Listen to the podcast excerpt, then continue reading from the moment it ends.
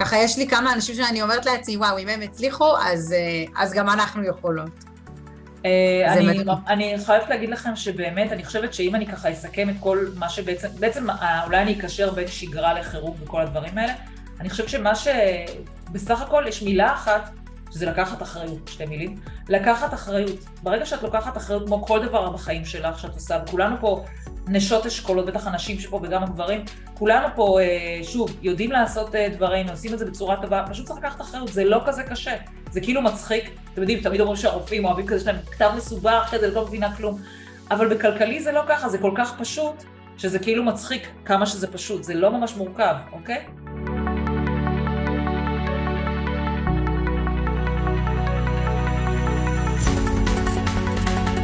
מעולה. אז אחרי הפתיח שלי, שאותו פספסנו בהקלטה, אז אה, בוקר טוב דנה, ותאמרי... אני רוצה, את ככה אמרת בפתיח על החשיבות של השגרה, החשיבות של לעשות דברים, את יודעת, לקחת שליטה, שזה חלק ממוריד את מפלס החרדה, ורציתי להגיד, לשתף אותך שעצם זה שאני, קודם כל תודה שהזמנת אותי, כי עצם זה שאני מדריכה והדברים שאני עושה ברגיל שלי, זה גם גורם לי להוריד את מפלס החרדה שלי, גם אני לא נמצאת בבית, אני כבר לא בבית תשעה ימים, ו... והחזרה לשגרה היא עושה טוב, אז קודם כל תודה לך שהזמנת אותי, עצם זה שהייתי צריכה להכין הדרכה, והכנתי אותה, אני מודה, עד לפני עשר דקות, שהתקשרת אליה עוד הכנתי אותה, שתביני. כי כדי להיות כמה שיותר עדכני, כי שוב, הדברים הם כזה פלואידיים. לגמרי, איזה כיף שאת כאן, וכמוני כמוך, העיסוק בקהילה ובלתת ערך, וגם דפנה שהיא תכף מצטרפת, היא מגיעה מהקליניקה, מזוג שאנחנו מלווים, שגם אה, כל הסיטואציית חיים הזו עם הילדים שלו, היא עם שלה, הבית שלו, הבית שלה בתוך מלחמה, מאיפה מתקיימים, ממני, ממך, זה יוצר הרבה חיכוכים, והיא נקראה לדגל SOS אה, לקבל אותם בפגישה בקליניקה.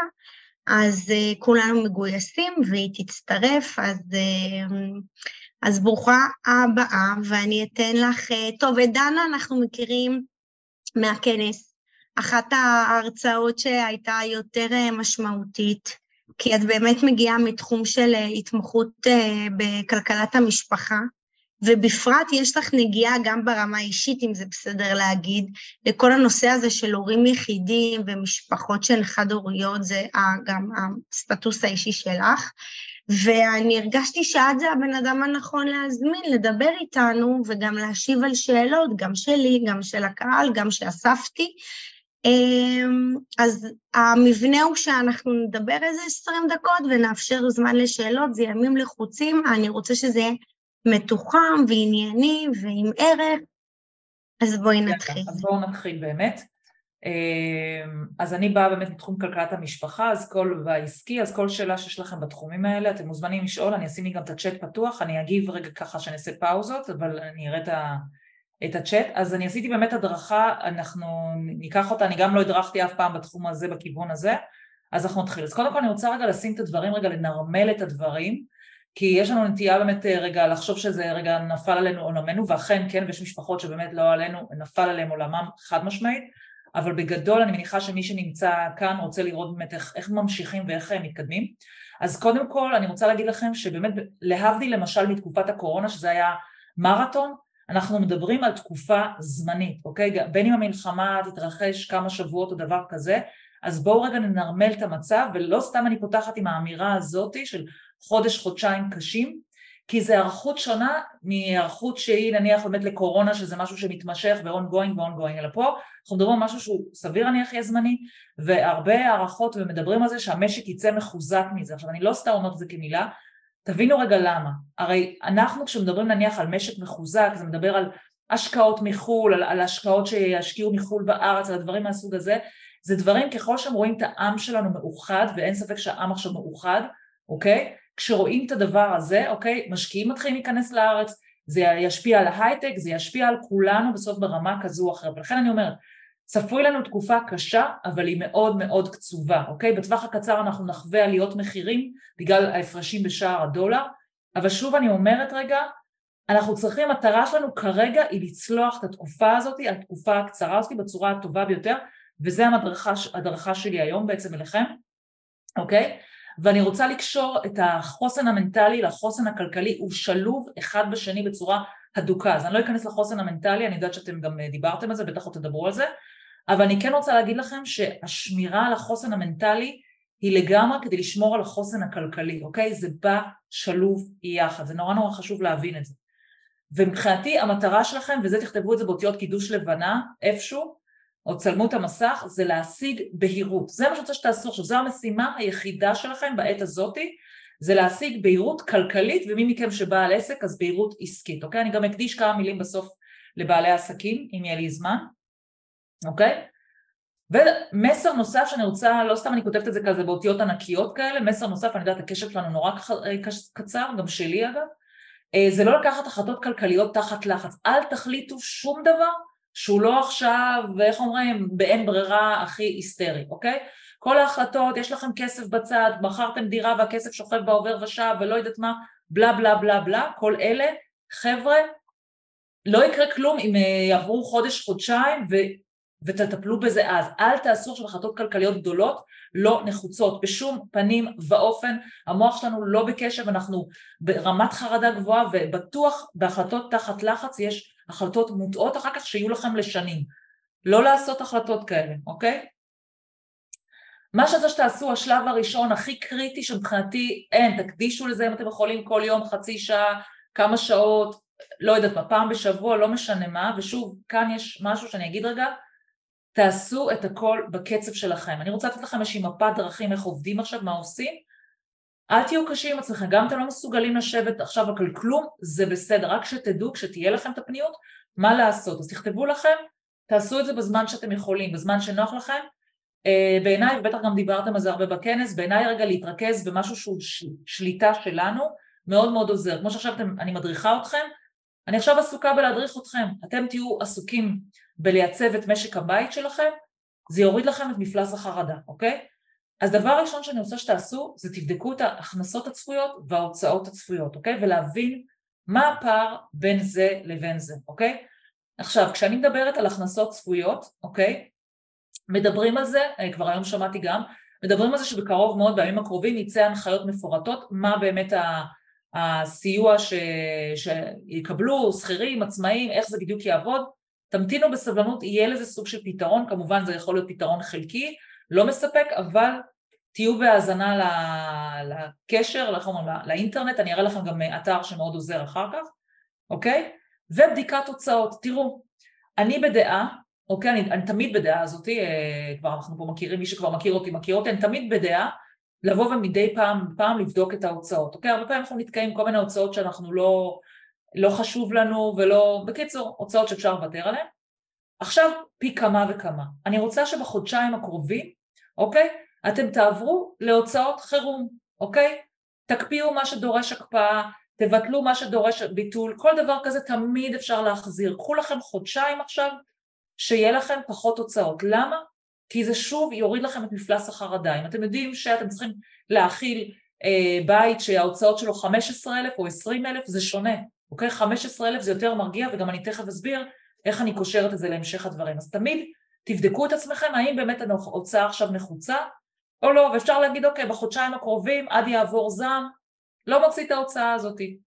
ותבינו את הפער, איפה אתם נמצאים. החלק השלישי פה, ההבנה מה הפער בין הכנסות להוצאות הוא קריטי להבנה. אני תכף אסביר גם למה בשלב הבא, אבל תבינו האם אתם בפער שלילי של 3,000 שקלים, 5,000 שקלים, רק 1,000 שקלים, 10,000 שקלים, אני יודעת, זה יכול להיות שוקינג, זה יכול להיות כאילו ממש ממש קשה לדעת בשלב הזה, או אי רצון, אבל אחד המסרים שאני רוצה שתקבלו מהשידור הזה, זה להפך, הידיעה מול מה אנחנו מתמודדים היא הרבה יותר קלה מאשר הלחץ הזה להבין, להגיד אוקיי אני בלחץ, אין לי הכנסות, אני ההוצאות שלי ובלה בלה בלה.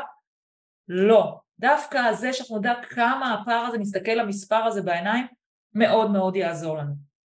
אז מה הפעולות שאני אה, רואה הכי חשוב? אז כמו שאמרתי לכם את זה. השלב השני, תבדקו אם אתם יכולים להגדיל הכנסות צפויות. למה למשל מתכוונת? יש מקומות שהכסף נמצא אצלם. למשל, אם אתם אה, אה, בעלי עסקים, לדוגמה, ואתם מכירים את זה שמשלמים לכם שוטף פלוס 2,000, אז אם למשל ארגונים, מוסדות, מקומות כאלה, תרשמו מייל, תרימו טלפון, תגידו, תשלמו לי עכשיו במיידי. כלומר, תנסו לראות בכל עסק ועסק איפה יש לכם כסף שאתם יכולים לקבל. אתם יכולים גם לפנות לחברות הביטוח, לראות האם מגיעים לכם החזרים. כל מיני דברים כאלה, אם מגיעים לכם החזרים ממס הכנסה, החזרים ביטוח לאומי, כל מיני דברים כאלה. שוב, אם יש לכם פניות רגע ורצון, תנסו לראות אם זה יכול לעזור לכם בתקופה הזאת, אוקיי? אני רוצה להגיד עוד איזה משהו. ההוצאות, בגלל שאנחנו חלקנו יושבים בבית, יכולים להיות גדולים יותר. נכון, אנחנו לא יוצאים למסעדות, לא יוצאים לבתי קולנוע, דברים כאלה, אבל מצד שני, אנחנו צורכים יותר מים וחשמל, אנחנו קונים יותר, אוקיי? יש לנו המון המון, ותהיו מודעים לזה, אכילה רגשית, קנייה רגשית, אוקיי? זה ממש ממש קורה עכשיו. אה, אני ממש ככה הסתכלתי לפני כמה ימים הייתי בסופר והמדף של הפסטות היה ריק. אתם יודעים מה זה ריק? ריק, לא שם פסטה אחת.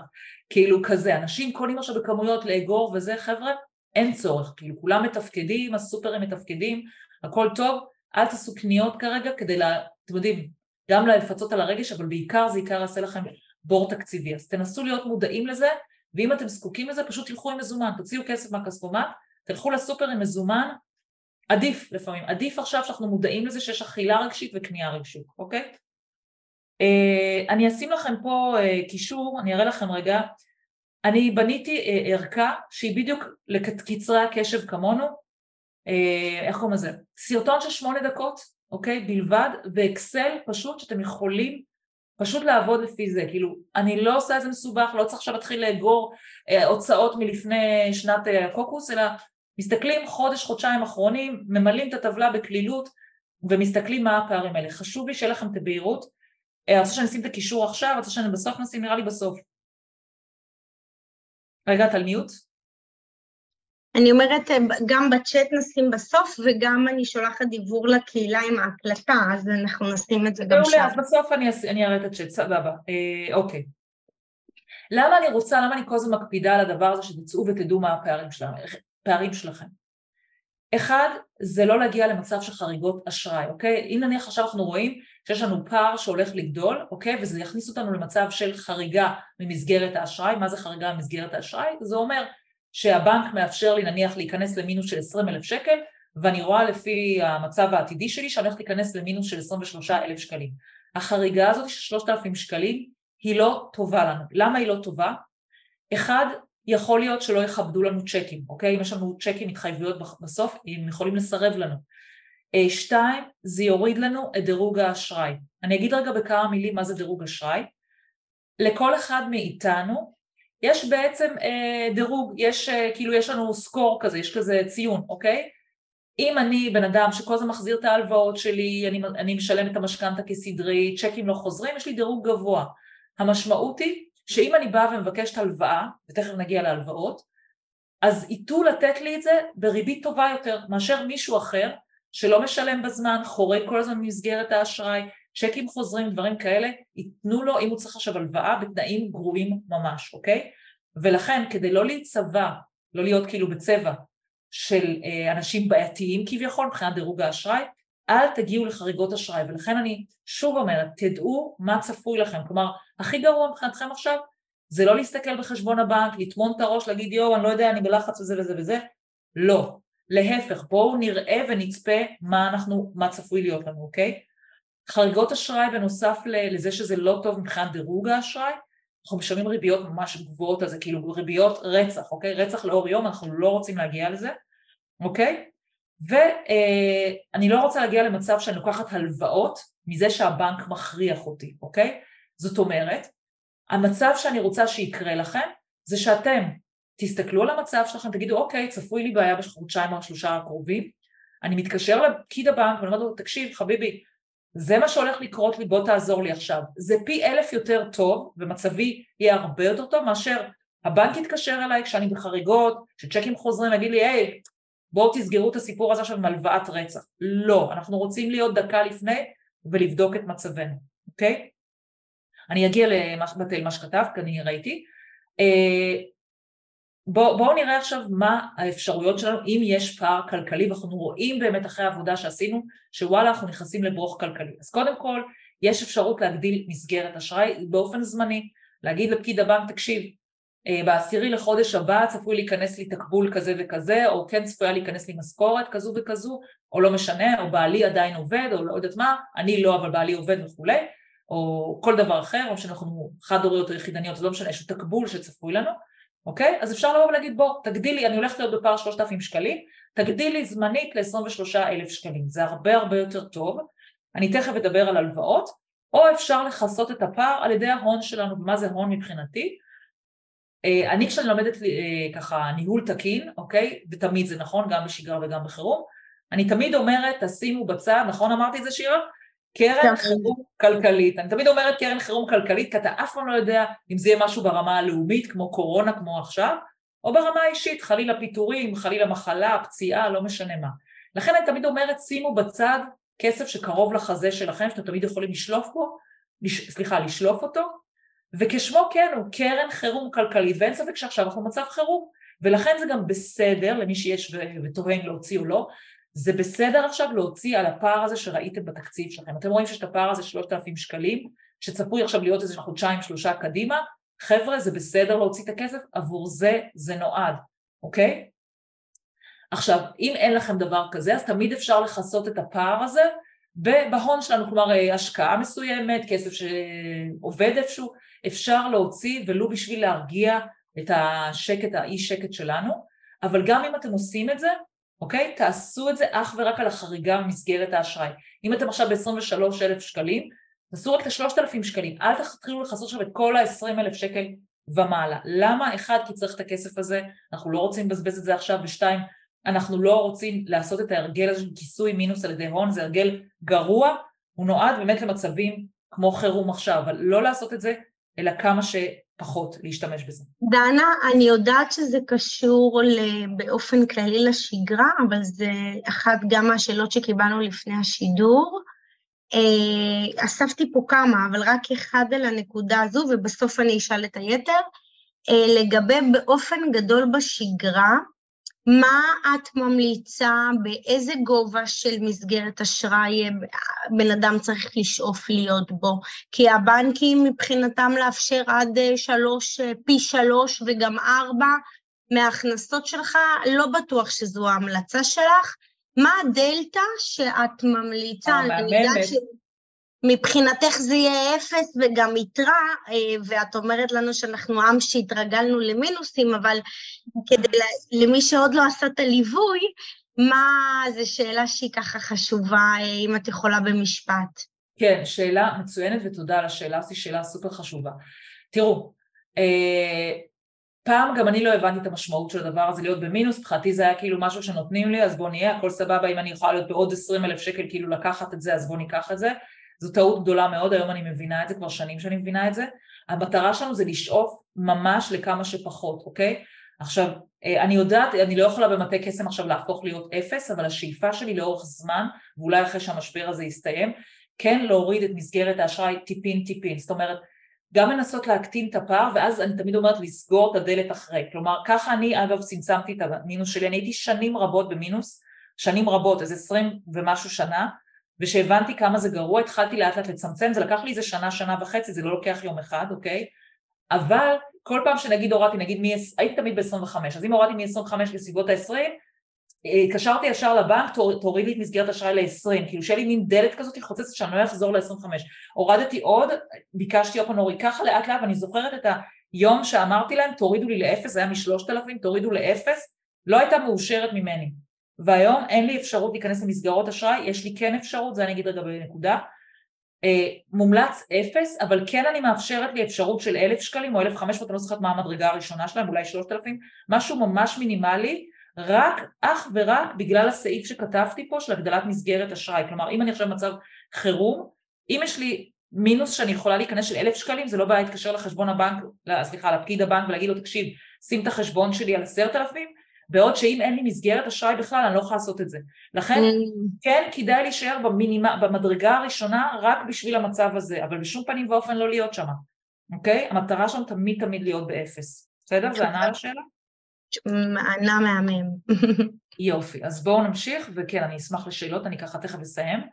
אה, אני כן רוצה רק להסביר מה זה מסגרות אשראי, כי אני רואה שיש לזה... רגע, בשקף הקודם לא התייחסת, כי אני נכנסתי לך. אז בפער הכלכלי, אז אמרת או לשקול להגדיל מסגרת אשראי, או לקחת הלוואה. בתנאים טובים, או לכסות על ידי ההון שלנו. סליחה, כן, כן עברנו על זה.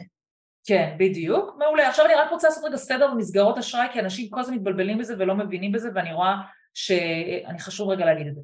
יש שני סוגים של מסגרות אשראי, יש מסגרת אשראי בבנק, מה שדיברנו עכשיו, האפשרות שלי להיכנס למינוס, אוקיי?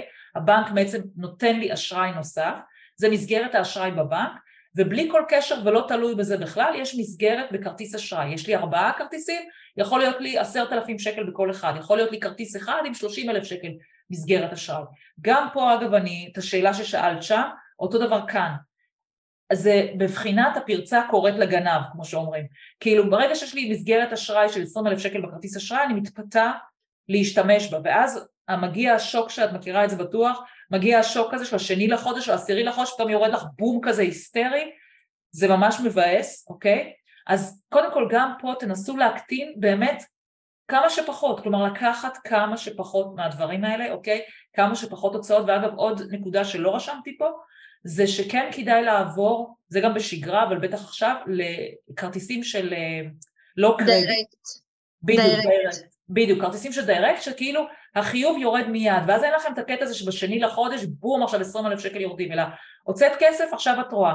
למה? כי יש לנו תמיד את הנטייה בסוף החודש, להגיד, אה, מצבי טוב, אני שוכחת שיש לי עוד 20 אלף שקל שירדו לי עוד חמישה ימים, ואני כאילו מוציאה יותר, אוקיי? ולכן, כשאתם משתמשים בדיירקט, החיוב יורד מיד, ואז אתם רואים את המצב שלכם יותר נכון. נכון אני רוצה להגיד למה עוד איזה נקודה שלי זה עוזר, אני מאוד אוהבת להשתמש בכרטיס בגלל המעקב.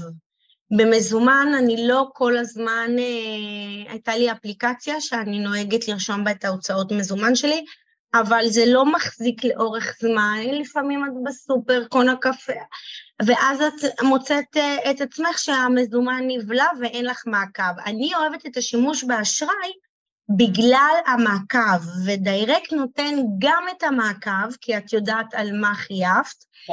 אבל גם את השליטה בתזרים כשזה יורד בפועל, ואז אתה רואה מה המצב שלך. נכון, אני כן ממליצה לעבור למזומן במצבים שאני יודעת שאני כאילו, קצת קשה לי להשתלט על עצמי, כמו עכשיו למשל אני רואה את זה בסופר, אני כן ממליצה שאם אם, אה, אנשים פה שנמצאים בשידור ויודעים שנגיד עקב אכילס שלהם עכשיו זה הקניות הרגשיות של האוכל וזה, כן ללכת לסופר עם מזומן, כדי לא להגיע למצב כי שאת יודעת שאחר כך הם מוציאים פי שתיים ממה שהם רצו.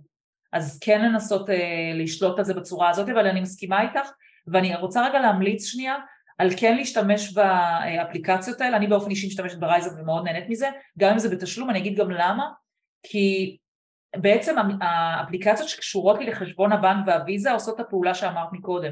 כאילו איך שאני מגהצת, אני ישר רואה את ההשפעה של זה. אפילו... ברייזאפ.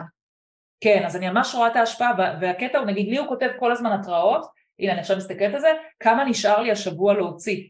וזה מאוד מאוד מכוון אותי, אז אני יודעת אם יש לי 200 או 300 או 1,000 או לא משנה מה, זה ממש מפקס אותי, שאני יודעת מה מצבי כל הזמן, ואני לא צריכה גם להיות במעקב הזה, זה כאילו אני מקבלת את זה בדחיפה. הם כל הזמן שולחים את ההודעות האלה ואת רואה כל הזמן, אז זה ממש ממש טוב, זה שוב, זה עוזר לשליטה. אה, עכשיו, בואו נראה רגע על, על הקטע הזה, למה, למה עוד פעם אני קושרת את זה שתדעו מה מצבכם ותבואו לבנק לפני זה, כי אז בעצם יש שני אפשרויות, אם אתם באים ואומרים תקשיבו בנק יקר, אני הולך להיות בחריגה, אוקיי? אז אפשר לבקש שני דברים, או תקשיבו, הולך לרדת לי צ'ק עכשיו של שכר דירה, ממש חשוב לי שתכבדו את זה, אני לא יכולה להיות מצב כזה, או, או יותר גרוע, נגיד, הולך לרדת לי אה, חיוב של משכנתה, כולנו יודעים מה, כמה זה גרוע לא לשלם משכנתה, זה מתחיל להיות כדור שלג שמתחיל להתפוצץ אחר כך, אז אתם יודעים שהולך להיות לכם למשל משכנתה של 4,000 שקל, תגידו תקשיבו, אני חייבת שבעשירי לחודש יהיה לי עוד מסגרת אשראי של 4,000 שקל, זה ממש ממש חשוב, אוקיי? או אם אתם לא, זה לא בצורה הזאת, אתם יכולים לבקש אה, מתן מסגרת אשראי נוספת, אבל באותם תנאים, כלומר שהריבית לא תהיה יותר גבוהה. הבנק יכול להיות שעכשיו גם בגלל המצב אה, כן יאפשר את זה ביתר אה, קלות, פשוט אם אתם צריכים להגדיר את מסגרת האשראי, תגידו לו בריבית כמו המסגרת הנוכחית, כי בעצם כשאתם מגדילים, הריבית אוטומטית עולה. אוקיי? אז תבקשו באותם תנאי מסגרת. אתם, אתם מבינים כמה זה חשוב עכשיו לפנות לבנק לפני כן ולנהל משא ומתן ולא בדיעבד, זה הסיבה הזאתי, אוקיי? ואם כבר לא עשיתם את זה ופנו אליכם, אז מה אפשר לעשות? אוקיי, זה עוד פעם הגדלת מסגרת אשראי באופן זמני, ושוב תנסו, אפילו שפנו אליכם, שזה יהיה באותם תנאים, אוקיי? הם יח... בדי יבקשו מכם לקחת הלוואה בנקאית לסגור את החריגה, אוקיי? ויכולים לסרב, נגיד לצ'ק הזה שצריך לרדת עכשיו בשכר דירה, הם יכולים לסרב על זה, אוקיי? לכן אני אומרת לכם, תודיעו מראש, אוקיי? אמ, לגבי הלוואות, אני תכף אגיע לזה, בסדר? אמ, אני אגיד לכם מה מדרג ההלוואות, אבל אני כן רוצה שתזכרו שני תנאים ממש ממש חשובים. קודם כל, בגלל שאתם כבר תדעו את מצבכם, תשתמשו בתקציב הקל שאני אתן לכם ותדעו מה מצבכם, תבקשו הלוואה רק ורק על המינימום ההכרחי. אל תבקשו עכשיו הלוואות גבוהות, בין אם אתם יכולים לעשות ובין אם יש הלוואות טובות עכשיו וכולי. חבר'ה, הלוואות צריך להחזיר, ואנחנו לא יודעים איפה נהיה בעוד אה, חצי שנה ומה יהיה מצבנו ולמה להיתקע עכשיו עם איזה פרונקל מתקופת המלחמה, אוקיי? אז ממש בצורה מבוקרת, אוקיי? למשל, כמו שאמרתי מקודם, החריגה ממסגרת האשראי, אוקיי? אז זה פתרון זמני שאתם יכולים עכשיו להשתמש בזה, כמובן הפתרון הנכון יותר, לא ניכנס לזה עכשיו, אבל זה באמת טיפול בין הפער בין הכנסות להוצאות, כולנו יודעים את זה, אבל כרגע אם אנחנו לא יכולים לעשות את זה, פשוט תיקחו הלוואה מינימלית, אוקיי? אמ, טוב. אני חושבת שאני לא אתן דוגמאות, אני רק אעבור על הלוואות ברשותך. לא, רגע, אני... זה רק, רק, אה, דנה, אז מה באמת התשובה שלך? מה עדיף, האם אה, חריגה ממסגרת או הלוואה, זה לבחון את העלות של זה, כמה יעלה לי הריבית כשזה בחריגה ממסגרת. אגב, שזה תמיד ריביות פחות טובות מאשר הלוואה מסודרת, אבל צריך לבדוק את זה, כל מקרה לגופו. נכון, כל מקרה לגופו, נכון, כי גם יש, כמו, שאת אמר, כמו שאמרנו מקודם, יש גם דירוג אשראי, אז יכול להיות שמה שאני אקבל הוא שונה ממה שאת תקבלי. ולכן תשאלו באופן מפורש, כמה, באיזה ריבית אני הולכת לשלם את ההלוואה מהבנק ואיזה ריבית אני הולכת לשלם אם אני מגדילה את מסגרת האשראי. שאלה מצוינת וטוב שחידדת את הנושא הזה. אוקיי. Okay. וגם, וגם דנה, אני, אני רוצה להזמין אותם לא לעשות את זה רק על מה שהם רואים נקודתית עכשיו, כי אז יכול להיות שעוד חודש הם עוד הפעם יצטרכו לעשות את כל הסייקל הזה, אלא מראש הטווח שאת כרגע ממליצה עליו, אם זה פתחת את השקופית של בין חודש לחודשיים, לדעתי לשבת על זה פעם אחת מראש, לשלושה חודשים אפילו, נכון? נכון. כי בפעם נכון. הראשונה שתבוא לבנק זה הרבה יותר טוב מאשר עכשיו קצת ועוד פעם עוד קצת. מסכימה. אלא בהסתכלות של שלושה חודשים, אז זה אז חשוב. אז אני כן אתן רגע דוגמה, כי השאלה שלך הבהירה לי שכן צריך לדוגמה. דוגמה. בואו נראה רגע, אני גם רוצה שוב לנרמל פה את המצב, כי אנחנו נכנסים לפעמים לחרדה, ו... ולא תמיד, לא תמיד זה מוצדק, אוקיי? לפעמים זה חרדה שלנו. אז בואו ניתן רגע דוגמה שנייה, נגיד למשפחה, בואו נשים את זה רגע, ננתח את זה רגע ביחד, אוקיי? נניח ויש משפחה א', אוקיי, שהבעל שכיר הוא עובד רגיל, הוא מקבל אותה, אותו שכר, וכל רבעון יש בונוס של עשרת אלפים שקלים. במקרה שלנו פה של יחידניות למשל, בוא נגיד מזונות, אוקיי? שאנחנו יודעים שאנחנו מקבלים מזונות באופן אה, סדיר, ואני מדברת כמובן מי שמקבל באופן סדיר כרגע. ונגיד האישה שעכשיו יושבת פה בשידור, נגיד היא עצמאית, נניח ההכנסה שלה ירדה לאפס ונניח היא קוסמטיקאית. אני לא סתם רגע ציינתי את זה, וכן חשוב לי ככה לדבר עוד מעט קצת על בעלי עסקים.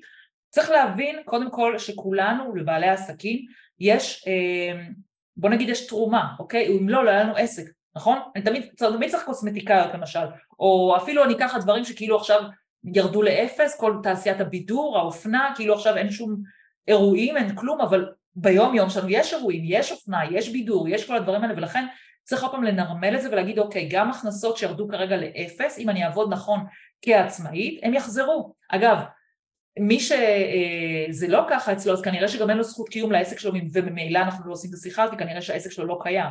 אוקיי? אבל בואו נזכור שהעסקים שלנו הם עסקים נחוצים, אוקיי? ונגיד והם עשו שיקוף בפעם הראשונה, כאילו, וראו שיש להם פער של עשרת אלפים שקל, זה מה שצפוי קדימה, כי בעצם רק הבעל עובד, או רק המזונות מגיעים, או רק לא יודעת מה, כל מה שמגיע, אוקיי? ויש פער של עשרת אלפים אה, שקלים, אוקיי?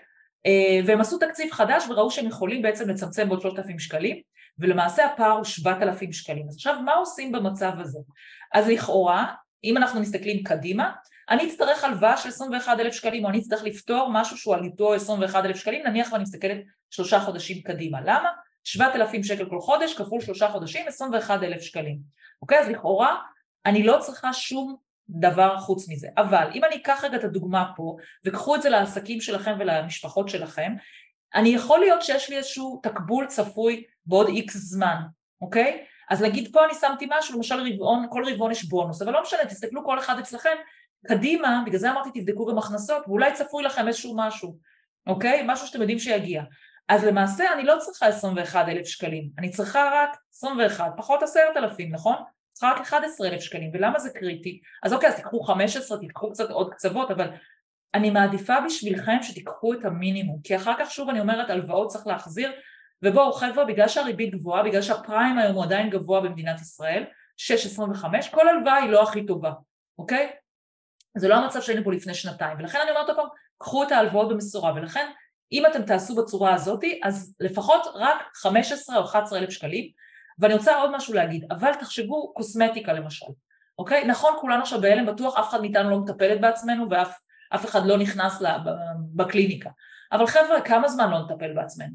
חודש, גג, הרי ברור שאם, שבסוף אנחנו כן נצא וכן הקוסמטיקאית אה, תחזיר חזרה שוב, בהנחה שהעסק כמובן היה פעיל לפני כן ותקין, ההכנסה שלה בסופו של, של, של דבר תעלה, ולכן אפילו ההלוואה הזאת של ה-21, אתם רואים לאט לאט איך אני מנרמלת לכם, ואולי אין צורך, אולי מספיק שהם יגידו לבנק, תקשיב בנק יקר, אני רוצה עוד חריגה ממסגרת האשראי לשלושה חודשים הקרובים של עוד נניח 5,000 שקלים, למה? כי אני צופה שאני אתחיל להכניס את ה-2,000 שקל כקוסמטיקאית, אתם מבינים רגע את המצב? כלומר בואו רגע נסתכל גם מה צפוי לנו ובואו נהיה רגע נצא שנייה מהחרדה, זה לא שעכשיו וואו העסק שלי קורס, אני לעולם לא אהיה בעלת עסק יותר, זהו מה קרה. רגע חבר'ה לנשום, לנשום עמוק, כולנו עסקים שצריך אותם בסופו של דבר וכולנו נחזור לפעילות אם אנחנו נשמור על החוסן המנטלי והכלכלי שלנו כמו שצריך, אוקיי? אנחנו נחזור והכל יהיה בסדר, אפילו אמרתי לכם, אני בטוחה גם שהמשק יתחזק מכל מה שקורה ובטח בטח העסקים הקטנים שהם המנוע הצמיחה של הכלכלה,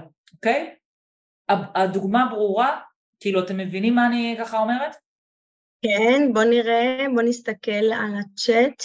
חבר'ה, תרשמו לנו באופן חופשי בצ'אט תוך כדי אם יש שאלות. Uh, הדוגמה ברורה, ועדיין, דנה, אני רוצה, בגלל שאני יודעת שיש לנו כן בקהל עצמאים. כן, אז בואו נעבור לעצמאים, כי זה. אז רגע. רגע, לא, זה חשוב לי, אני לא רוצה לפספס שום דבר ממה שהכנת לומר לנו. תחזרי, אני... אז רגע, טוב, אני אחזור.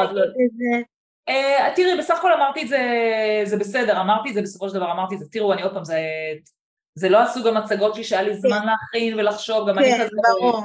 אז עזבי, מה שעברתי זה בסדר, אמרתי את זה בעל פה, אני יודעת מה אמרתי, אז זה בסדר, אני קצת אעבור פה כי מכירה את הזה. היי, דפנה. אה, היי, דפנה, ברוכה שבה אלינו. בוקר טוב, אני שומעת כבר שאתם עושות חיל, מדברות על דברים חשובים חשובים. משתדלות, משתדלות. אמ, וזהו, ותשאלו, חבר'ה, מי שפה, תשאלו אם משהו לא ברור, אני עוד מעט אענה. אוקיי? אז אני רק חוזרת עוד פעם, בגלל שהקשב שלנו הוא כזה קצר וזה, אז אני חוזרת רגע ככה ל-highlights, כאילו עוד פעם, עוד פעם, סכום מינימלי לזמן קצוב, תשבו, תחשבו מה אתם צריכים באמת, תזכרו שהלוואות יש להחזיר. עכשיו בואו נדבר על מדרג ההלוואות. גם פה יש פתרונות, אוקיי? אז קודם כל, אני, אם הייתי צריכה הלוואה, המקום הראשון שהייתי בודקת זה על חשבון כספים צבורים. מה זה חשבון כספים צבורים? זה יכול להיות קרן השתלמות, אה, קופת גמל, זה יכול להיות פנסיה, דברים כאלה. למה ההלוואות האלה הן הלוואות בתנאים הטובים ביותר? כי אה, הסכנה לגוף שמלווה את הכסף הוא הנמוך ביותר, כי אם לא תחזירו, ייקחו לכם את הקרן השתלמות, לא תחזירו, ילאימו לכם את החלק הפיצויים בפנסיה, ייקחו לכם את הכסף ולכן הם יכולים לאפשר לעצמם אה, לעשות את זה אה, בריבית הטובה ביותר שתוכלו להשיג. ולכן תחזרו הביתה מה שנקרא, תבדקו אצלכם, אם, אם אתם יכולים לעשות את זה, אם כן תרימו טלפון לחברה שמחזיקה את uh, קרן ההשתלמות שלכם, תשאלו האם אני יכולה לקחת הלוואה, עוד פעם מינימלית וכולי, לזמן קצוב, uh, על הדברים האלה. אז קודם כל תבדקו את האפשרות הזאת. אם אין לכם אפשרות כזאת, תעברו לסעיף 2, הלוואת הצטרפות לבנק חדש. אני רוצה להזכיר לכולם, בשגרה ובחירום, בנק הוא גוף עסקי, ומשכך הוא הוא רודף אחרי הלקוחות שלו, הוא רוצה כמה שיותר לקוחות. עכשיו דווקא לקוחות, אולי תתפלאו, אבל דווקא לקוחות שיש להם הלוואות ושיש להם מסגרות אשראי והם חורגים כל הזמן וכאילו הלקוחות הגרועים, הם הלקוחות הכי טובים של הבנק, למה? כי הם עושים על גב, הלקוחות האלה הכי הרבה כסף, אוקיי? ולכן גם אם אתם מצב לא טוב בחשבון שלכם, תנסו לבדוק לעבור אה, לבנק אחר, זה להשאיר מספר טלפון באתר של בנק אחר, הם יחזרו לכם בטלפון, תבדקו מה התנאים, לפעמים שווה לקחת הלוואה בבנק החדש, הלוואת הצטרפות, זה בדרך כלל בתנאים הכי טובים כלקוח חדש, ולסגור איתה את ההלוואות שיש לכם בבנק הנוכחי, אוקיי? אז תעשו את זה, אל תתעצלו, זה הרבה מאוד כסף, אוקיי? תעשו מה שאני קוראת לו shopping banking, תכתבו עכשיו באתר של הבנקים וזה, ופה, ושם, ופה, אני רוצה לפתוח חשבון, ושהם יצרו איתכם את הקשר ותראו מה הם מציעים, אוקיי? כמה הלוואות, מה הריבית של ההלוואות, תעשו לכם טבלה כזאת על דף נייר, מה הריבית, האם דורשים ערבים, לא דורשים ערבים, מה הסכום שאתם יכולים לקבל וכולי וכולי. שוב, לא להתפתות עכשיו להלוואות גבוהות. אם אין לכם אפשרות כזאת, היא לא יודעת... זה זמן טוב לעשות את זה לא על כסף חדש שנדרש, אלא על הלוואות קיימות? מה, יש אקלים שעכשיו טוב לבדוק תנאים טובים נכון. של הלוואות? בטח, תמיד זה נכון לבדוק, בוודאי ובוודאי, חד משמעית. אפשר למחזר הלוואות ותיקות להלוואות חדשות בתנאים טובים יותר, בטח, חד משמעית. אמ, אם אין לכם את האפשרויות האלה, יש אפשרות לקחת מכרטיסי האשראי, זה כבר בריבית ממש גבוהה, לא ממליצה, כבר סעיף 4 זה כבר משהו שאני פחות אוהבת, אבל לפעמים אין לאנשים ברירה כי הם לא יכולים את שלושת הסעיפים הקודמים, אז כן לקחת הלוואה על חשבון כרטיסי האשראי, תדעו שאתם פורסים את החוב שלכם בכרטיסי אשראי, זה ריביות מאוד מאוד גבוהות, דו ספרתיות בדרך כלל, רצח ממש לאור יום, אז להימנע מזה, אבל אם אין ברירה אז אין ברירה, אוקיי? אה, ולעשות את זה שוב במשורה, לא לעשות את זה כמשהו קבוע, אוקיי? זה גם הנחיות נכונות גם לשגרה, אבל בטח בטח בחירום, בחירום הכל מוקצן. מסגרות אשראי, עוד פעם לבדוק אם אתם מעלים את מסגרת האשראי, מה הריבית שנמצאת שם. הלוואות חוץ בנקאיות, לפעמים אנחנו לוקחים את זה, גם יכולות להיות בריביות של שתי ספרות רצח. וחריגה מסגרת האשראי, ביג ביג ביג נו נו, כמו שאמרנו, זה גם מוריד לכם את דירוג האשראי, וזה גם אה, בריביות הכי מטורפות שיש. למי שלא מתמצא בזה ביום-יום, מה נחשב ריבית סבירה על הלוואה פריים? פריים מינוס חצי זה הכי טוב, זאת אומרת 6.25 זה כאילו תורידי חצי, זה 5.75, זה הלוואות, אם את משיגה עכשיו הלוואה ב-5.75, את מבסוטית בחלקך, מאושרת בחלקך. אוקיי, את פריים פלוס שלוש? הבנקים ייתנו פריים פלוס אחד, פריים פלוס שתיים, כל עוד זה בחד ספרתי, שמונה ומשהו, תשע ומשהו, לפעמים אין מה לעשות כי זה גם דירוג האשראי האישי. ברגע שזה מתחיל להיות דו ספרתי, עשר ומעלה, חבר'ה תנסו למצוא חלופות אחרות, אוקיי? זה מאוד משמעותי, חמי, אה, קרוב לשישה אחוזים ומעל עשרה אחוזים, זה המון המון כסף, אוקיי? בטח. שלא ינצלו את הגב שלכם ובטח לא עכשיו בתקופת חירום. מעולה, טוב שאמרת את המנעד. אז הנה ההקלות בהלוואות של בנק ישראל שפורסמו אתמול או שלשום, אוקיי? ובואו נדבר רגע על, יש שני סוגים של אה, אוכלוסייה, מעגל ראשון, תכף נדבר עליהם, ומעגל שני. רובנו פה במעגל השני ולא במעגל הראשון, אבל כבר תדעו שיש אפשרות לדחות בשלושה חודשים את המשכנתאות, הלוואות של עד 100 אלף שקלים, ואשראי עסקי עד 2 מיליון שקלים. אבל גדול מאוד הוא כזה, המעגל הראשון יקבל את זה בלא, ללא ריבית, אוקיי? ומי זה המעגל הראשון? תושבים של 30 אה, קילומטר מהרצועה, זה לא, זה לא לוקח אנשים כמוני שגרים חמישה קילומטר מגבול הצפון, זה רק אנשים 30 קילומטר מהרצועה, אוקיי? קרובים ראשונים לנרצחים ונעדרים, תושבים שפונו מביתיהם, כמובן לא כמוני שאני פיניתי את ביתי מרצון, אלא תושבים שנדרשו לפנות את אה, בתיהם, אוקיי? ומגויסי מילואים בצו 8, אוקיי? זאת אומרת שאת כל ההלוואות האלה שהזכרתי קודם, אפשר יהיה לדחות, אגב ראיתי נדמה לי שאחד הבנקים כבר אמר שאפשר אפילו חמישה חודשים לדחות, אוקיי? כמובן הבנקים יכולים לתת עוד הקלות, זה מה שבנק ישראל מחייב את הבנקים, בנקים יכול, ספציפיים יכולים להחליט שהם נותנים עוד יותר כאילו לטובת הציבור, אוקיי? עכשיו, אנחנו שאנחנו לא במעגל הראשון, מי שלא נמצא ב... סליחה, באוכלוסייה הזו, אז אנחנו יכולים לקבל דחייה אבל בריבית, ופה כבר למדנו עוד פעם, ריבית טובה זה סביב השישה אחוזים, כאלה, ריבית גרועה זה עשר ומעלה, אז כמובן תבדקו ותהיו צרכנים. וגם חשוב רק, לא רק שבודקים את הריבית, מניסיון שאני בחנתי אפשרות של להקפיא משכנתה על דירה שלי להשקעה, כי עד שהתחלפו הסוחרים, אז צריך לבחון לא רק מה גובה הריבית, אלא באיזה טווח זמן נדרש לך להחזיר את זה. לפעמים הריבית לכאורה, אנחנו רואים אותה נמוכה, אבל צריך תוך שלושה חודשים, זה לא נפרס על כל התקופה, ואז זה מגדיל את ההחזר בצורה משמעותית ומגדיל את הפער. אז זה גם את הריבית, אבל גם את משך הזמן להחזיר. נכון, אבל אם לוקחים גם את ה... את צודקת מה שאת אומרת, אבל יש עוד אופציה שהם עושים לפעמים, זה שהם שמים את זה דווקא עוד סוג של שכבה כזאת, את יודעת, של ההחזרים נפרסים על כל התקופה, אבל אז הריביות מאוד מאוד גבוהות, כי זה נפרס על תקופה. על כבר תקופה. צריך, אז פשוט צריך לבדוק את זה, גם מה הריבית וגם תוך כמה זמן. נכון. אה, נכון. אוקיי. חד משמעית, ותדעו שככל שהזמן של, תמיד זה נכון, גם בהלוואות וגם במשכנתה, ככל שההלוואה יותר ארוכה בזמן שלה, הריבית יותר גבוהה.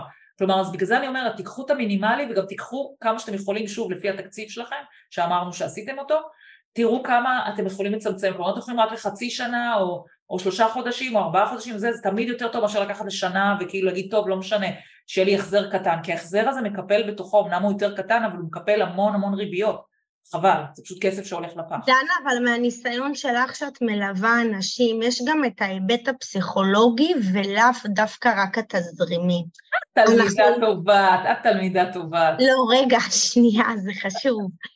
לפעמים אנחנו מרגישים שיותר אה, אנחנו עומדים בלהחזיר הלוואה, מאשר אם אכלנו מההון העצמי שלנו ולא נמהר להחזיר לשם כסף. אז ב, האם את נותנת לזה גם שיקול? האם עכשיו לקחת מההון העצמי שלי, כתבת במדרג, קודם כל לפנות להון העצמי שלי, או האם זה רק הסתכלות כלכלית, גרדה, שההון העצמי לא עונה לי, אני פונה לקחת מההון העצמי, ואין פה בכלל מה לשקול חלופה אחרת, או שאת אומרת, תסתכלו רגע גם בהיכרות שלכם, כי יש אנשים שהם יעמדו בלהחזיר הלוואה ויקצצו מההוצאות שלהם, אבל הם לא יעמדו בלהחזיר להון העצמי שלהם מה שנלקח משם. אז אני אשמח ל, ל, ל, למשפט, כי בתוך עמי אני חי, אנחנו מכירים את הדברים האלו, ואני אשמח לתשובה שלך. אז תראי, התשובה שלי ממש ממש תלויה באיזה סוג בן אדם אתה היית לפני כל הסיפור הזה, אוקיי? אם אתה בן אדם שיודע להתנהל כלכלית, זאת אומרת באמת לא קופץ מעל הפופיק, ההכנסות וההוצאות בדרך כלל מאוזנות, אתה כן שם, או את, לא משנה, אני אומרת בלשון זכר, אז כמובן שני המינים, כן שמים אה, למשל אה, כסף בצד באופן קבוע וכאלה, ההרגלים האלה הם הרגלים טובים. תראה, אני רוצה בסופו של דבר שאנשים יהיו כל הזמן בהרגלים טובים. הרגל טוב זה לשים כסף בצד, הרגל טוב זה לא לקחת הלוואות לצריכה, זה הרגלים טובים. אבל גם, כמו שאת אומרת, בתוך עמנו אנחנו חיים, וגם אנחנו צריכים גם לזכור שזה מצב חירום וההכנסות נפגעות, ולכן לפעמים צריך לעשות את הדבר הזה שכן לקחת מההון. לכן אני אומרת, הכי נכון זה לקחת מהקרן חירום כלכלית שהיא נועדה בשביל מצב כזה, היא לא נועדה, נועדה להשקעה.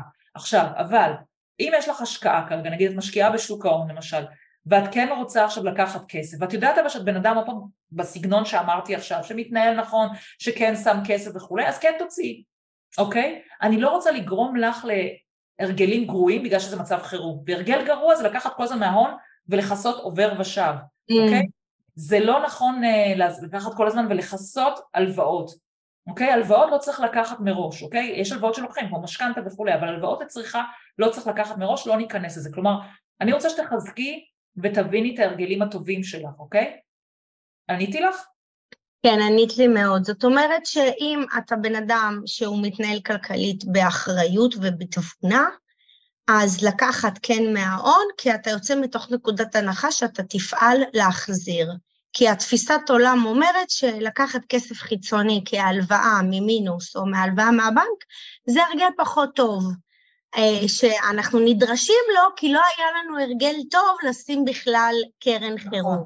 אבל לא, לא נלקה את עצמנו, מי שאין לו, אז הוא צריך לשאול את עצמו, אז הוא צריך לשאול את עצמו האם יש לי הברירת המחדל זה לקחת מההון הזמין ולהיות אחראי להחזיר את זה כשיתאפשר. אמת. תוך אמת. צמצום הוצאות. אמת, אוקיי? ואפילו בהוראת קבע, אפילו לעשות את זה בהוראת קבע ואז את לא חושבת על זה, אבל הנה מיכל שואלת פה שאלה, האם באמת אה, לסגור חלק מהמשכנתה, אוקיי, אם יש סכום בצד ללא שימוש, אז זה בדיוק מה שאמרתי, זה הרגל גרוע, סליחה שאני אומרת, זה הרגל ממש גרוע, אוקיי?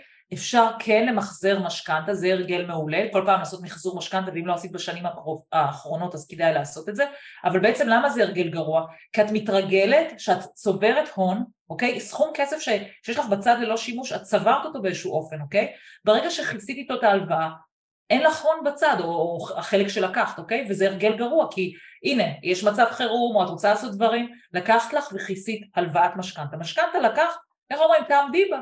אני אומרת עוד פעם, תנסי לעשות אותה הכי טובה בשבילך, אבל אין טעם, כל הזמן אנשים אומרים לי את זה וגם בשגרה, כאילו בואי בואי נכסה את המשכנתה, לא חברים, זה ממש לא חכם לכסות משכנתה עם הון, תנו להון לצמוח. עכשיו זה שהסכום שלך בצד ללא שימוש זו גם טעות, אוקיי? אולי עכשיו, בתקופה הזאת, לא לעשות עכשיו השקעות שאנחנו לא מבינים בזה, לא יודעים וכולי, ממש לא לעשות כמו שאמרתי בהתחלה, לא לקחת החלטות כלכליות, אז אל תטפלי עכשיו בסכום ללא שימוש עכשיו, זה לא נדרש, אבל כן תטפלי בטווח הרחוק רגע שאנחנו נעבור את כל הסיפור הזה, כן תטפלי בזה, סכום בצד ללא שימוש זה אובדן כספי, בטח שהריביות עולות ואנחנו רואים איך הסכום נשחק, אם יש לך 100 אלף שקל היום, מחר את תקני בהם פחות ומחרתיים תקני בהם פחות כי הכסף נשחק. ולכן אנחנו צריכים לדאוג שהסכום יושקע ולו בשביל עליית הריבית כדי שהוא יעמוד באותו סכום, כלומר ש-100 אלף שקל היום יקנו את אותם דברים ב-100 אלף שקל מחר ולכן זה הרגלים לא טובים, אוקיי? זה לא הזמן למחזור משכנתאות הריביות גבוהות נכון. כן ולא, תלוי, נכון, אבל יש אנשים... רוב המשכנתאות, אבל הם תלוי... הם ייקחו בריביות נמוכות, אבל זה שוב, אני לא רוצה להגיד את זה בצורה חותכת, כי יש אנשים שעושים נכון, אני גם לא ראיתי טובים. בתור עורכת דין שעוסקת בנדל"ן, בין היתר, אני כן ראיתי משכנתאות מאוד מאוד מאוד מאוד ישנות וותיקות, כן יכולות גם עם, עם נכון. הריבית היום, עדיין זה לא שכיח אבל, אבל... אה, נכון. אוקיי. נכון. אז uh, הכנתי, האמת שאני רגע, רואה... רגע, אני רק, אה, אני מסיימת רק כמה מילים כן, ואז אנחנו נעבור לשאלות. בסדר? יש לי עוד כמה דקות? כי בטח. כי ממש חשובים. כן. קודם כל יש גם פטור מעמלות על, על משיכות יתר, בסדר? ותבדקו עוד פעם. בקיצור, אני ממליצה להיכנס לאתר הבנק שלכם ולבדוק האם יש תנאים טובים, ואני אחזור למה שאמרתי, ואם לא... רגע, יש פטור מעמלות, סליחה, את יכולה רגע כן. שנבין מה יש, זה, מה כתבת? גם למעגל הראשון, עוד פעם, יש פטור מעמלות על משיכת יתר, אוקיי? בחשבון אה. עובר ושב. אני שוב אומרת, יכול להיות שהבנקים הרחיבו את זה לכולם. אז, אז המסר שלי פה, פשוט תיכנסו לחשבון, לאתר של הבנק שלכם ותבדקו כל, האתר, כל האתרים עכשיו, הבנקים מפרסמים את ההקלות שלהם, פשוט תסתכלו, אוקיי? אני, הפטורים הם כל הזמן משתנים וכולי, פשוט תעברו על הבנק. אוקיי. אני רוצה רגע להגיד רגע מה לא לעשות בתכלית האיסור, ואז אני אעבור כמה עסקים כמה מילים, ואז שאלות, אוקיי? אתם יכולים בינתיים לרשום אותם אם יש לכם. אוקיי, אחד, לא למשוך קרן השתלמות זה משהו שאני יודעת שאנשים מלחץ עכשיו יפדו את הקרנות השתלמות שלהם, זו טעות גדולה מאוד מאוד מאוד. קרן השתלמות זה המוצר שאנחנו לא משלמים אה, מס רווחי הון וזה לכן המוצר הטוב ביותר שיש לנו תמיד ולכן אני לא מושכת אותה, אוקיי? אני לא אכנס עכשיו לאיך מנהלים את זה, לא ניכנס לזה, אבל בשום פנים ואופן לא נמשוך אותה, אוקיי? מקסימום תיקחו הלוואה על חשבונה, כמו שאמרתי מקודם, שזה ההלוואות הטובות ביותר. אותו דבר, לא למשוך פיצויים מהפנסיה, זה יקטין את. הפנסיה שלכם בצורה דרסטית, אתם לא רוצים להיות שם בגלל לחץ רגעי, אז ממש לא למשוך פיצוי מהפנסיה. בטוח, בטוח, בטוח מי שיושב עכשיו על התקציב ואומר, רגע, לא משנה, אני משלם על ביטוחים, בוא נבטל זה וזה. בשום פנים ואופן לא לבטל ביטוח לפני שמתייעצים עם איש ביטוח מורשה, כי זה יכול להיות בכייה אחרי זה לדורות, אוקיי? ביטלתם ביטוח, ואחר כך קרה מקרה הביטוח, גמרנו, לא משנה ששילמתם אותה עשרים שנה, זה לא משנה. אז לכן אני אומרת, לא לעשות את הדבר הזה מהלחץ. שוב, לא לפעול תחת לחץ, אוקיי? לא לדחות משכנתה באופן אוטומטית מבלי להבין מה שציינו מקודם, את הריביות ואת המשמעויות בזה. ולפעול בשוק ההון ללא אחריות, כלומר אני לא הייתי מזיזה עכשיו שום דבר משום מקום, אף אחד לא נביא, אף אחד לא יודע מה יקרה, ולכן לא הייתי פועלת בשוק ההון, אלא אם אני מבינה בזה בצורה ממש ממש טובה. אם לא, לא הייתי מתפתח עכשיו, תעשו ככה, תמכרו ככה, זה יעשה ככה, זה יעשה ככה, חבר'ה, מסך, לא לעשות עכשיו שום דבר שהוא לא נדרש, אוקיי? לא להתעלם מהמצב, כן להיכנס לחשבון הבנק, כן להודיע לבנק, כמו שאמרנו. אני רוצה רק מילה, אתר כל זכות, אתר מעולה, אוקיי? יש לכם פורטל, אתם רואים פה שאלות ותשובות על כל נושא עכשיו, בדיוק על חרבות הברזל, אוקיי? תיכנסו לפה, זה מתעדכן על בסיס יומיומי על כל הזכויות שלכם, כל הזמן תראו כי הם כל הזמן מעדכנים את זה אונליין, אוקיי? יש פה על הכל. אני על שכירים, על עצמאים, אם יש אז הם כותבים, אם אין אז הם כותבים, עוד לא מעודכן, הם, הכל מעודכן, תלמדו את האתר הזה בעל פה. אז זה תחת, באתר כל זכות, תחת חרבות ברזל? כן, לרשום בגוגל, חרבות ברזל, כל זכות, הם הגיעו לזה, פורטל מעולה, הם מוסיפים, אני כל הזמן באונליין הזה, הם כל הזמן מוסיפים את כל המידע שקיים, פשוט, אני גם אצלי פרסמתי עכשיו בפוסטים אצלי, תהיו באתר הזה, תבינו מה הולך, אוקיי? במקום אוקיי. לשאול באינטרנט 20 פעם, כנסו לשם, זה מעודכן. מעולה. בעלי עסקים, אני אגיד רגע מילה אחת לפני שאני נכנסת פה לכל זה. אנחנו, עוד פעם, כמו שאמרתי בהתחלה, יש לנו עסקים שהם נדרשים. אנחנו צריכים, הדבר, הבעיה היחידה שלנו כרגע, זה בעיה שיכול להיות שהיא תהיה תזרימית לתקופה הקרובה, לרבעון הזה, לחודש הזה, לחודשיים אחרי האלה, כל אחד והסוג העסק שלו. אבל אל תעשו פעולות עוד פעם תחת לחץ, ובטח ובטח שלא תרד רוחכם, למה, אולי אני אהפוך להיות שכירה, אולי העסק שלי לא זה, זה, זה. חבר'ה, להרגיע, אוקיי? אם הייתם בעלי עסק לפני, אתם תהיו בעלי עסק אחרי. עכשיו, השאלה מה אנחנו עושים בתקופה הזו, אוקיי? אז קודם כל, אה, קחו את הזמן איך שאתם יכולים, תעשו מה שאתם יכולים, לא תחת לחץ. לי, לעשות בעסק שלי, להפך, גורם לי, מוריד לי את מפלס החרדה, אוקיי? כל אחד ואיך שהוא יכול. גם אם אתם לא מתעסקים בזה עכשיו, זה בסדר. מה כן אפשר לעשות? דברים אופרטיביים. קודם כל, תחזרו ללקוחות שלכם, לקהל העוקבים שלכם, ללידים שלכם, לכל דבר שיש לכם, ותבדקו מה הם צריכים, אוקיי? אתם תתפלאו לפעמים לתשובות של האנשים, אוקיי? אתם חושבים אולי שכולכם, שכל הלקוחות עכשיו אתם לא מעניינים אותם? זה לא נכון. יכול להיות שהם צריכים משהו, לפעמים תשאלו אותם ואתם תגלו כל מיני תשובות, אוקיי? אנחנו נדרשים להיות יצירתיים בעת הזו, אוקיי? מה הכישורים, תבדקו עם עצמכם, מה הכישורים היכולות שאתם יכולים לתת עכשיו, אוקיי?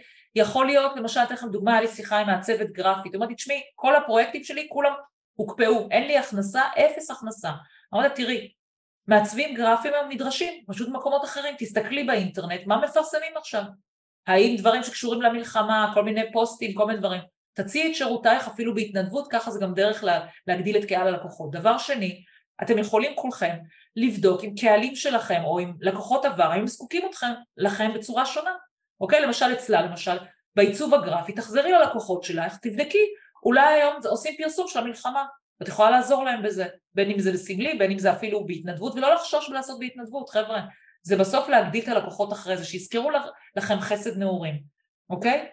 עכשיו, אותו דבר, להצטרף לכנסים כאלה. אני אומרת לכם שהכנסים האלה, ותודה שאתם עושות אותה, עושות אותה הכנס הזה, זה, זה כדרך מעולה, קודם כל לעזור באמת לקהל, אני יודעת שהמון המון אנשים, ובטח מי שיושב פה, לחוץ כלכלית, בשביל זה אתם יושבים פה עכשיו, אז לעזור כל אחד בתחומו ולכל אחד מאיתנו יש מתנה לתת ואל תשכחו את זה, אוקיי? אני תמיד אומרת, גם בשגרה וגם בחירום יש לנו חובה וזכות. הזכות שלנו זה לעשות את מה שאנחנו אוהבים, כל בעל עסק אוהב את מה שהוא עושה.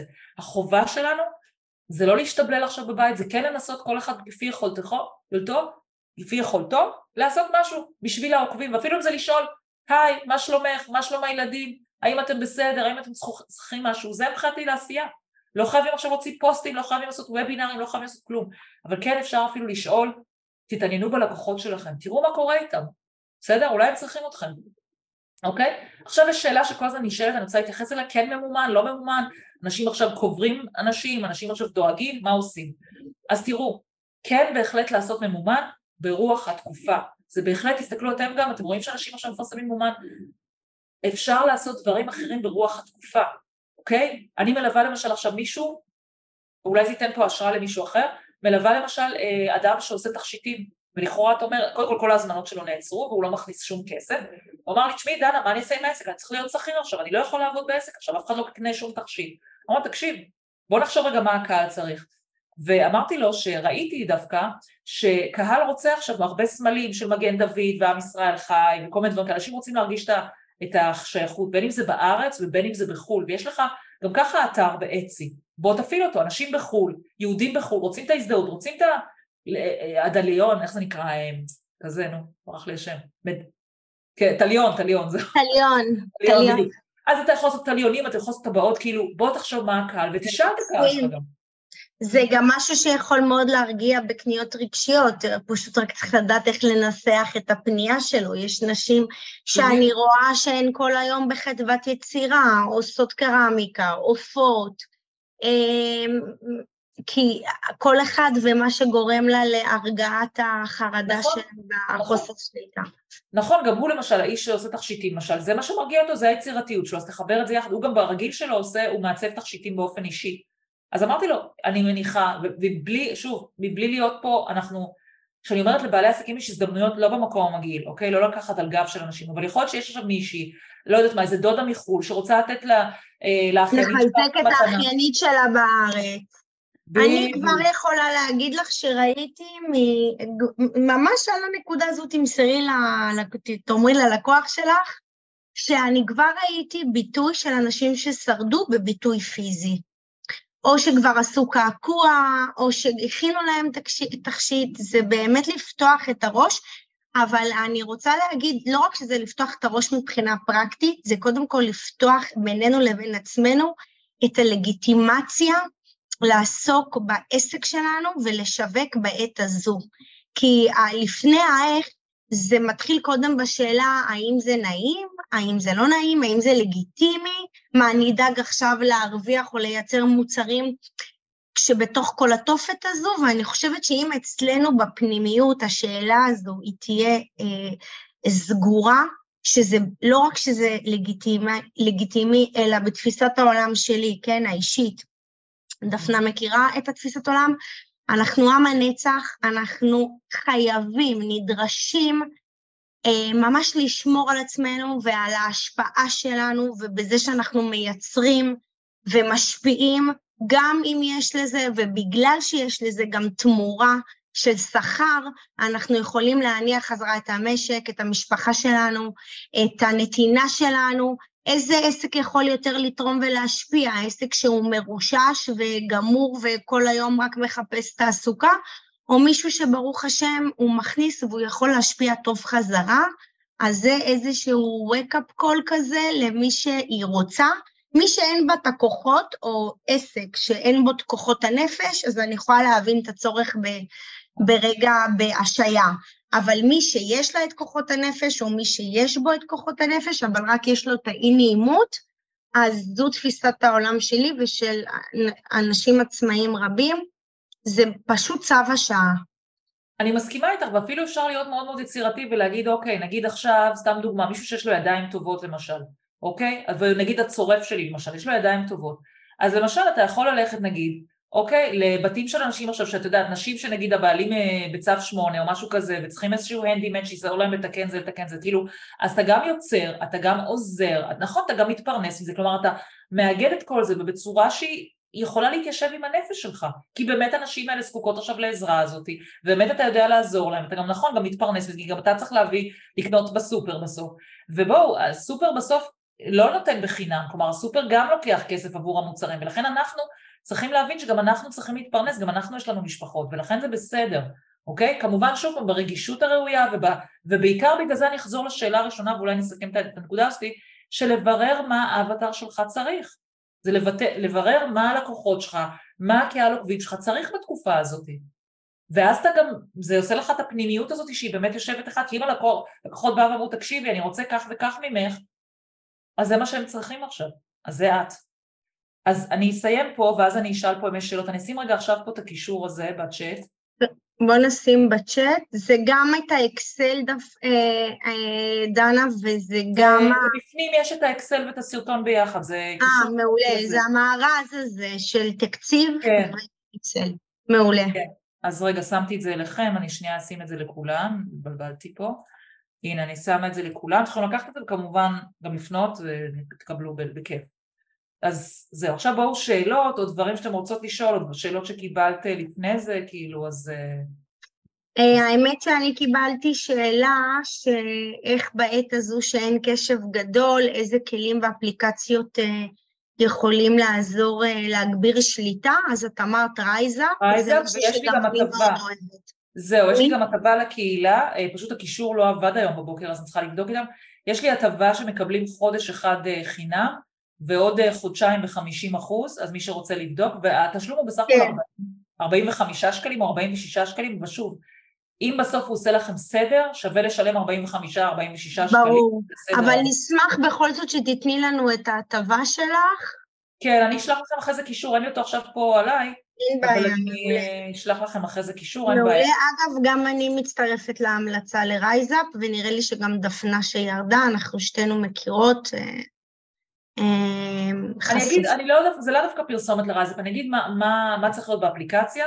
בעיניי יותר נכון אפליקציה, יש כאלה שכן ויש כאלה שלא. אפליקציה שהיא מחוברת כבר לחשבונות ולכרטיסי אשראי, ואני אגיד רגע משהו ממש ממש חשוב. יש דבר שנקרא בנקאות פתוחה. אין לנו מה לחשוש מזה שרייזאפ יכולים לראות את החשבון שלנו, הם לא יכולים לעשות אף פעם שום פעולה, הם לא יכולים למשוך כסף, הם לא יכולים להעביר כסף, אין לכם מה לחשוש, הם בסך הכל רואים, הם כמו צפייה, אוקיי? ולכן אין מה לחשוש, תקראו על זה בנקאות פתוחה באינטרנט ותבינו מה זה אומר, ולכן אני מעדיפה לאנשים לא לקחת רק אפליקציה שהיא כאילו טיפשה שאנחנו צריכים לה, להקליד, אלא כי אז עוד פעם למי יש לו קשב, סבלנות, כוח, אלא לקחת אפליקציה שאיך שאני עכשיו קונה 20 שקלים בסופר עם כרטיס אשראי, הופ, אני רואה את זה באפליקציה. עכשיו אני אגיד עוד משפט, מה שחשוב באפליקציות האלה זה כמה אני יכולה להוציא, וזה מה שאייזק נותן, נגיד אמרתי לכם, אני גם היום קיבלתי, היום קיבלתי התראה שהשבוע את יכולה להוציא איקס כסף, זה מה שחשוב, אני צריכה לדעת כלפי קדימה כמה כסף אני יכולה להוציא, לא משנה כמה הוצאתי, אלא כמה נשאר לי, ואז אני יודעת שאני נכנסת, ואני חורגת, אם הוצאתי, הוא אמר, אמר לי 500 שקלים, הוצאתי 600 שקלים, זה החלטה שלי ואני מוציאה 600, אבל זה שם לי מודעות שאני יכולה להוציא רק 500 החודש, זה ה... מדהים. אה, אה, וואו, דנה, זה היה ממש אה, קצר וקולע, לא כזה גם קצר ותכליתי, ועושה בהירות.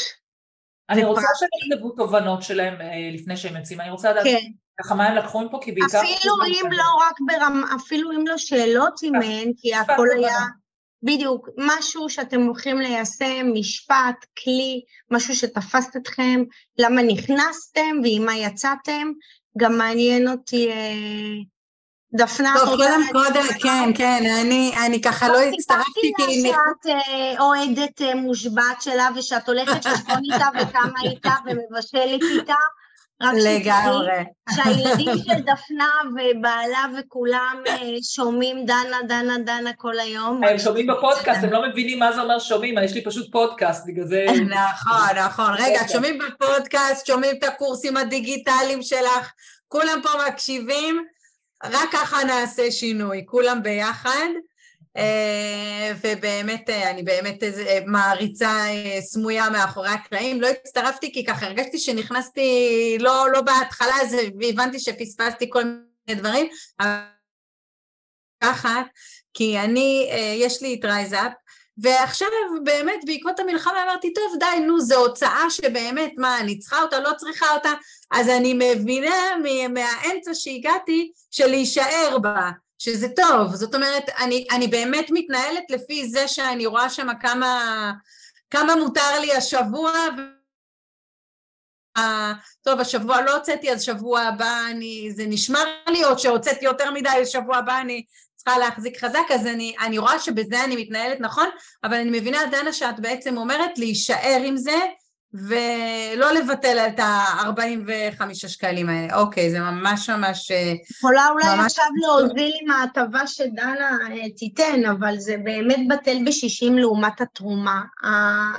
היכולת לשלוט, מה הסיכוי שאנחנו נשב ונוריד את האקסלים של הכרטיס אשראי, אנחנו לא נכון. מגיעים לזה באמת. גם זה בדיעבד, זה גם לא שווה כלום, זה בדיעבד. בדיוק, שכבר אנחנו מבינים שאנחנו על הקצה, אז זה לא רלוונטי. אז אוקיי, יופי, יסמין, בוא נקרא, יש כאן שיתופים, בתל, לוקחת שצריך לעשות סדר בהתנהלות הכספית בשגרה, בלי להתנהל במצב חירום, זה בוודאי. אה, וכשנצא מהמצב החירום נראה לי שהבית ספר של דנה זה מקום לשקול לעשות את התהליך הזה איתו. יסמין האלופה אומרת שהיא כבר תצא לה לבנק, תוך כדי הזום, לברר מה מסגרת האשראי וריביות על המין. מעולה, איזה האלופה. היא תתחיל כבר למלא את כל הכבוד. ממש ממש אה, כל הכבוד. רגע, היא אומרת יסמין, אה, לי לא היה ניסיון עם הרייזאפ, הרגיש לי שלא מבין כל הסיפור. אני רוצה רגע להבין, אני, רוצה רגע להסביר רגע משהו ברייזאפ. אה, שוב, זה לא בקטע של לעשות להם פרסומת, אלא בכלל בדברים האלה. תראי, אני אגיד לך למה זה, אולי לא, אולי אני אחדד לך גם מה, איך עובדים איתה. יש, אה, יש כמה דברים, רבדים שבעצם עובדים איתה. אחד, את, יש לך ישר קשר לחשבון הבנק, ישר את רואה אם את במינוס או בפלוס או, או דברים מהסוג הזה. ומה שכן, אני אוהבת שהוא מחלק לך את ההוצאות שלך פר שבוע. נגיד סתם דוגמה, הוא אומר לך, בתחילת החודש שלך 15,000 שקל, כך וכך וכך, כאילו באיזשהו פירוט מסוים. החודש, אה, נגיד השבוע, עשרה ימים האלה כבר הוצאת 5,000, זאת אומרת שבשבוע הבא את יכולה להוציא רק נגיד עוד 4,000 כדי לעמוד בתקציב שלך, ואם את הוצאת מעבר ל-4,000 אז הוא לאט לאט מקטין איתך עד סוף החודש והוא אומר לך אם את הולכת להיכנס לחריגה ואז זה שם אותך באיזשהו משטר נכון של כסף אוקיי? תנסי עוד פעם, יכול להיות שזה לא בדיוק, אה, צריך טיפה להסתכל אבל זה גם נורא טוב כי הוא נותן גם התראות בכיוון הזה, אוקיי? Uh, הפודקאסט שלי נקרא דברים שלא לימדו אותנו על כסף כי אני מרגישה שזה הדברים, דברים שלא לימדו אותנו על כסף. תכתבו פודקאסט דנה מליניאק, תגיעו לזה בכל דרך שהיא, ספוטיפיי, זה... והוא מעולה, הוא מעולה, אני מאוד מאוד נהנית ממנו, אני חושבת שהוא נותן המון השראה לאיך גם כן אנשים אחרים uh, הצליחו לצאת מבורות. אני לוקחת אנשים כמוני וכמוכם, אני לא לוקחת כל מיני סלב וכאלה, אין לי בפודקאסט שלי כל מיני סלבים וכאלה, אני לוקחת אנשים שהם באמת אנחנו, מה שנקרא. זהו. ו- ודנה, וכששומעים את הסיפורים שלהם, זה, זה, זה, זה סלב כל אחד שם, אני יכולה להגיד, כאילו בזה, אני, ככה יש לי כמה אנשים שאני אומרת לעצמי, וואו, אם הם הצליחו, אז, אז גם אנחנו יכולות. Uh, אני, אני חייבת להגיד לכם שבאמת, אני חושבת שאם אני ככה אסכם את כל מה שבעצם, בעצם אה, אולי אני אקשר בין שגרה לחירום וכל הדברים האלה, אני חושבת שמה שבסך הכל יש מילה אחת שזה לקחת אחריות, שתי מילים, לקחת אחריות. ברגע שאת לוקחת אחריות כמו כל דבר בחיים שלך שאת עושה, וכולנו פה נשות אשכולות, בטח הנשים שפה וגם הגברים, כולנו פה, אה, שוב, יודעים לעשות אה, דברים, עושים את זה בצורה טובה, פשוט צריך לקחת אחריות, זה לא כזה קשה, זה כאילו מצחיק, אתם יודעים, תמיד אומרים שהרופאים אוהבים כזה, יש להם כתב מסובך כזה, לא מבינה כלום, אבל בכלכלי זה לא ככה, זה כל כך פשוט, שזה כאילו מצחיק כמה שזה פשוט, זה לא ממש מורכב, אוקיי? כן. זהו, אני, אה, אני סיימתי אה, בגדול, מי שרוצה לעקוב מוזמן, ראיתי פה שאלות לגבי זה. מי שאני נשאל פה לגבי ליווי אישי, אז אה, אפשר להגיע אלייך דרך הפייסבוק, דרך גם האתר שלך. את כן עושה ליוויים אישיים, צריך להגיד את זה, בטח לחד-הוריות. ויעל...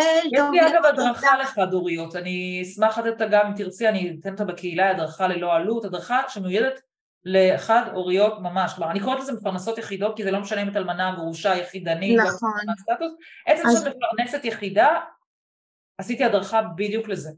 אני אשמח שתשלחי לי, אז... כי אני כבר מוציאה גם ככה את, ה... את ההקלטה, אז וזה הולך לכל האלפים אנשים שבקהילה שלנו, גם אם הם לא להגיע, אז אנחנו ממש נשמח, אז את צריכה לכתוב לך, אז ההקלטה זה באחריותי, את הקוד הטבה לרייזאפ ואת ההדרכה למפרנסות יחידות, ונעשה ונצליח. בעזרת בעזרתנו. אז תודה לכל המשתתפים והמשתתפות, אה, וימים שקטים. דנה, תודה, mm. תודה שנענית אה, להזמנה שלנו. תודה. תודה, דנה. תודה, תודה. להתראות. ביי ביי. להתראות. ביי ביי.